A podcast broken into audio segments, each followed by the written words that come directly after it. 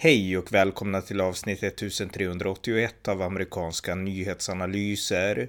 En konservativ podcast med mig, Ronny Berggren, som kan stödjas på swishnummer 070-30 28 95 0. Talibanerna har inlett en offensiv mot den sista fria regionen i Afghanistan, Panjshirdalen. Här försöker jag ge en bild av situationen utifrån den sporadiska information som når fram genom krigets dimma. Varmt välkomna!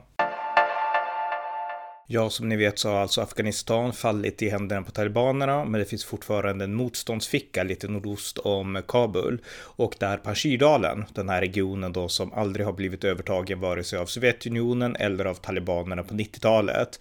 Och i Panjshirdalen så har alltså eh, en motståndsrörelse belägrat sig och den här motståndsrörelsen leds av eh, Ahmad Massoud. Ahmad Massoud sa jag förut, men Ahmad heter han, Ahmad Massoud. Och eh, han är alltså son till till eh, den kände afghanske eh, krigsherren. Ahmad Samasud som dödades av al-Qaida den 9 september 2001. Och eh, Ahmad Samasud, den äldre då, han krigade effektivt mot Sovjetunionen på 80-talet och mot talibanerna på 1990-talet. Och det var också den allians som han bildade, Norra alliansen, som tillsammans med USA störtade talibanerna sen eh, efter den 11 september 2001 och eh, befriade Afghanistan. Och hans rörelse blev också grunden sen till den afghanska regeringen, i synnerhet om Hamid Karzai och, och det tidigare gardet då, av, av de som styrde för 20 år sedan i Afghanistan. Men eh, Hans son i alla fall, Ahmad Massoud, han är 32 år gammal och han har nu axlat sin fars mantel i att belägra sig i Pashirdalen och vägra underkasta sig talibanernas styre. Han har sagt att jag kommer att kämpa här till sista blodsdroppen och även Afghanistans tidigare vicepresident som nu kallar sig själv för acting president, Amrullah Saleh, har bet sig till Pashirdalen och belägrat sig där. Och eh, talibanerna har omringat den här dalen och man har försökt få till ett slags avtal med motståndsrörelsen National Resistance Front eller Norra alliansen 2.0. Och eh, ja, man har försökt förhandla. Men de här förhandlingarna som har pågått egentligen i flera månader och år egentligen, när delegationer från Ahmad Massoud har träffat talibandelegationer, har alltid slutat med att talibanerna vill kräva total underkastelse.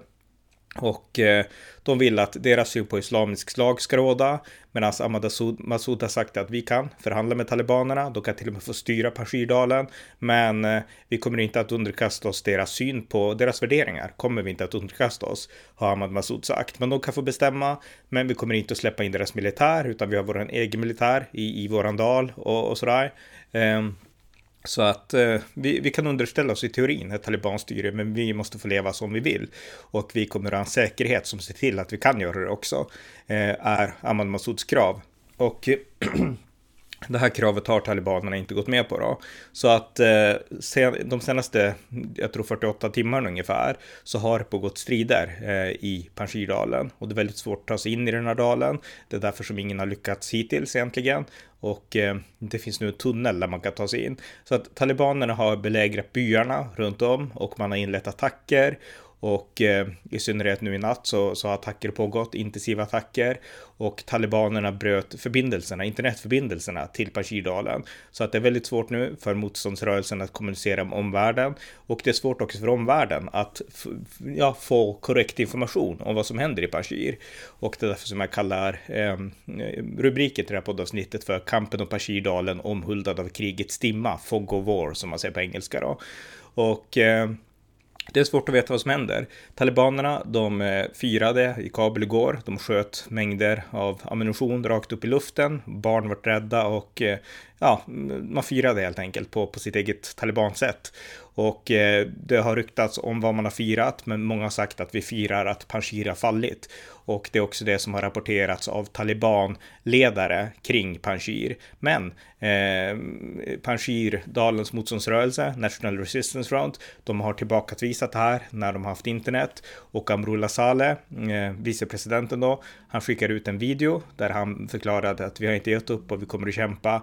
Och Ahmad Massoud han, han skickar ut en tweet och jag kommer att slåss till sista blodsdroppen ungefär. Så när det kommer rykten om, liksom, stämmer det här verkligen? Om de håller på att förlora så självklart så kommer deras ledare att fly, för annars kommer de att bli dödade.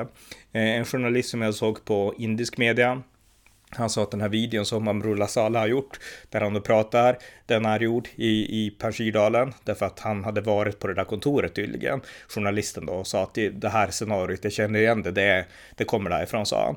Men eh, ja, eh, eh, så, så, att informationen, man försöker utreda vad är sant och inte. För talibanerna säger att vi har tagit Panjshir och motståndsrörelsen, de skickar ut en tweet i natt där de skrev att många av våra hjältar har fallit, tyvärr. Det, det är med sorg vi säger det och vi hoppas att de, de kommer till paradiset och så. Eh, så att eh, motståndsrörelsen säger att vi, lever och vi kämpar. Talibanerna säger att Panjshir har fallit och den här exakta informationen, vad är sant eller inte, det, den är svår att avgöra. Och eh, vi kan konstatera också att eh, i Panjshirdalen, de som slåss, det lever ungefär tror jag ungefär 150 till 200 000 människor där, en civilbefolkning i Panjshirdalen. Och eh, det finns ett antal tusen soldater, kanske 6-7 tusen soldater där. Och de soldaterna, de består dels av tashiker, den här stora folkgruppen som även både Ahmad Massoud och eh, Amrullah Saleh tillhör och som också har fått ett visst stöd av Tajikistan som ligger då norr om Afghanistan eh, och sådär. Så att lite, lite, det är majoritetsbefolkningen där som utgör motståndsrörelsen. Men sen finns det också många andra eh, från den tidigare afghanska armén, den upplösta afghanska armén eh, kommandosoldater och sådär som, eh, ja, de fick ju ge sig eftersom kriget lades ner, men de har också flytt till Pashirdalen för att fortsätta göra motstånd.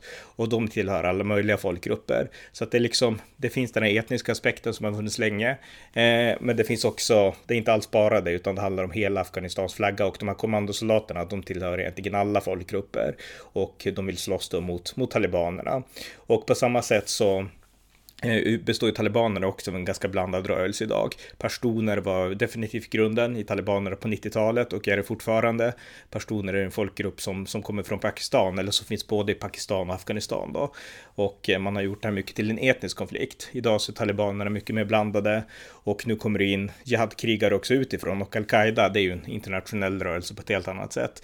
De har också anslutit sig då för att krossa Panjshirdalen då. Så att det är inte en etnisk konflikt där, det är viktigt att betona det, även om det finns etniska aspekter, utan det är en, det är en ideologisk konflikt mellan talibanerna och de som vill stå emot talibanerna helt enkelt.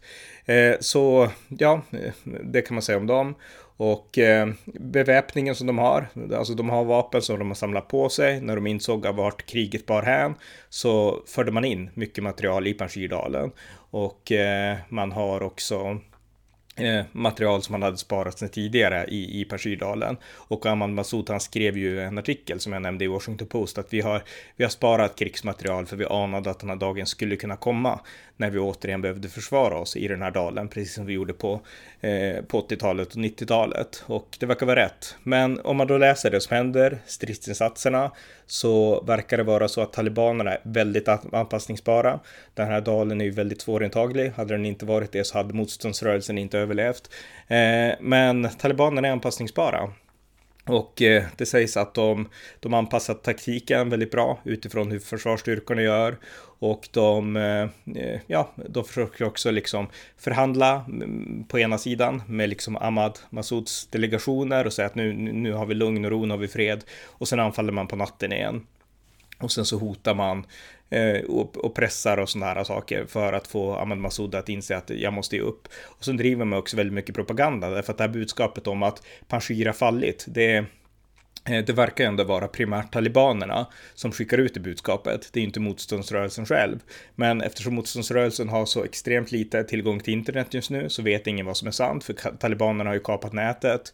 Och det innebär att eh, talibanerna kan också föra propagandakrig. Så att det vi ser nu i Panjshir, för att jag kan inte säga att jag har hängt med, jag har hängt med i politiken i Afghanistan i 20 år, men jag har inte hängt med i krigstaktiken. Men det man kan se att talibanerna gör nu, det är att föra en väldigt effektiv, alltså krigs, de har ett effektivt krigsmaskineri, talibanerna. Det går inte att komma ifrån det. Och eh, Ahmad Massoud som leder här. Han är utbildad i Storbritannien och har gått på militärakademi där. Men han är inte praktiskt utbildad i liksom krigets konst. Hans far, eh, Ahmad Samasoud, han var ju uppväxt i krig egentligen, och hade krigat i 20-30 år av sitt liv. Men sådan är inte det, utan han är en akademiker egentligen och han är ju inte krigsvan på det sätt som talibanerna är. Många av de här talibanerna har växt upp i krig hela sina liv och de kan allt om hur man krigar i sådana här miljöer. Så att eh, talibanerna har en fördel och därtill så har ju talibanerna också vapen i massvis. De här kvarlämnade amerikanska vapnen. Man kan se nu att de åker till Panjshirdalen med amerikanska jeepar, talibanerna. Så att eh, de har materiell som Pashirdalen i längden aldrig kommer att kunna upprätthålla. Och Panjshir har fått lite stöd av Tadzjikistan, men det kommer nog inte att räcka, eller det kommer inte att räcka på sikt, utan det enda sättet att få Panjshir att överleva i längden, det är genom att skicka in, alltså genom att väst ger understöd. Och det bästa vore såklart militärt understöd, men annars så får man, ja, alltså aktivt militärt understöd, flygplan, drönare och så. Men annars så måste man åtminstone ge vapen och ammunition, därför att det klarar inte den här motståndsrörelsen själv att, att liksom få fram i tillräcklig mängd. Men ja, som sagt, det är ett krigets stimma. Det finns rykten som säger att, eh, att eh, Panshir har fallit och andra rykten som säger att Panshir inte har fallit. Men oavsett den saken så på sikt så måste väst ge stöd till Panshirdalen och det finns goda skäl att göra det. Jag menar, de här tror på relativa västerländska värderingar. De vill ha frihet, de vill att kvinnor ska få vara fria och de är motståndare till talibanerna och de är definitivt motståndare till terrorism. Och det här borde vara en naturlig allierad för västvärlden. Även om man inte skickar in tiotusentals soldater så skulle man kunna skicka in flygunderstöd och saker som eh, man kan göra rätt kostnadsfritt och definitivt utan att riskera västerlänningars liv. Man kan skicka in drönare och man kan skicka in en luftprov har vi efterlyst i poddavsnitt Eh, 1472 var det va? När jag tyckte att man borde, väst borde skicka en luftprov till antitalibanrörelsen i Panjshir med material och så. Och det är någonting som, som väst borde överväga. Men vi måste först få information om hur det går för dem och eh, i vilken mån de klarar sig och så.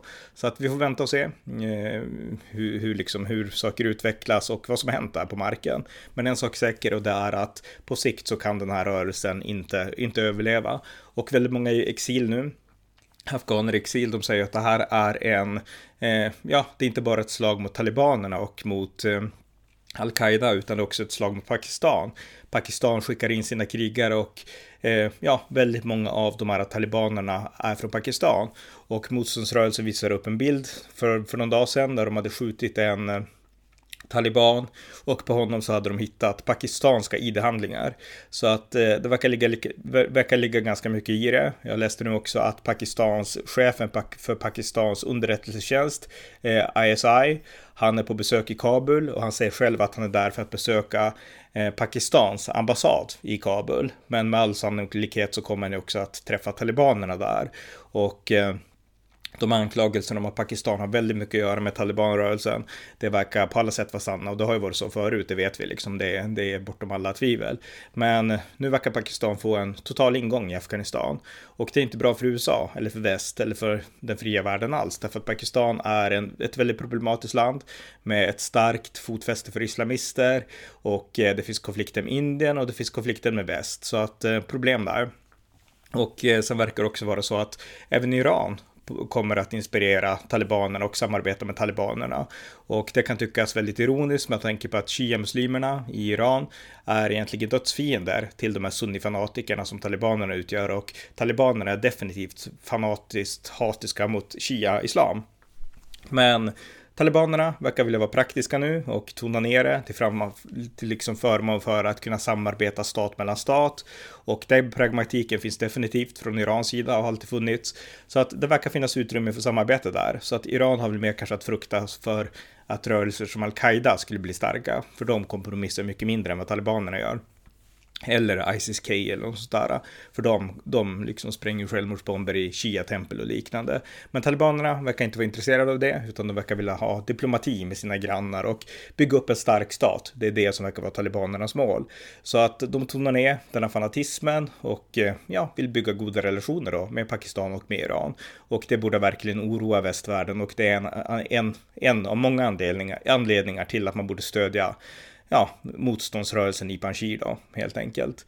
Så att det var lite om det. Det finns väldigt mycket mer att säga egentligen, men eh, ja, informationen kommer löpande och jag försöker egentligen bara orientera mig i det här, eh, ja, svårtolkade informationsflödet. Men vi får hålla tummarna för Panjshir och hoppas att, att det går vägen. Och eh, på sikt så tycker jag, speciellt om de nu klarar sig, och det är ju snart vinter också i Afghanistan kan sägas. Och eh, det innebär att det kommer bli svårare att strida i de här bergen för talibanerna och sannolikt så kan det bli ett andrum om man lyckas hålla ut några veckor. Och skulle ett sådant andrum uppstå, att motståndsrörelsen klarar sig, då har ju västvärlden tid att verkligen överväga, ska vi hjälpa Panjshir, ska vi liksom, ser vi någon chans i att, ser vi något hopp för dem att klara sig? Och ser vi det så bör vi hjälpa. Så att vi får hålla tummarna för att de klarar sig tills det blir vinter och eh, kan stå emot talibanerna och att väst under den tiden samlar sig och liksom återhämtar sig efter det här eh, ja, hastiga amerikanska tillbakadragandet och inser att vi kan inte ge upp allt utan vi måste verkligen hjälpa Bashir att vara en motkraft mot talibanerna och mot, ja, islamisk extremism i största allmänhet. Det är vad jag hoppas i alla fall. Men då har ni fått en kort uppdatering om läget just nu. Det var avsnitt 1381 av amerikanska nyhetsanalyser. En konservativ podcast som kan stödjas på swishnummer 070-30 28 95 0 eller genom att via hemsidan stödja på Paypal, Patreon eller bankkonto. Det var allt för den här gången. Tack för att ni har lyssnat.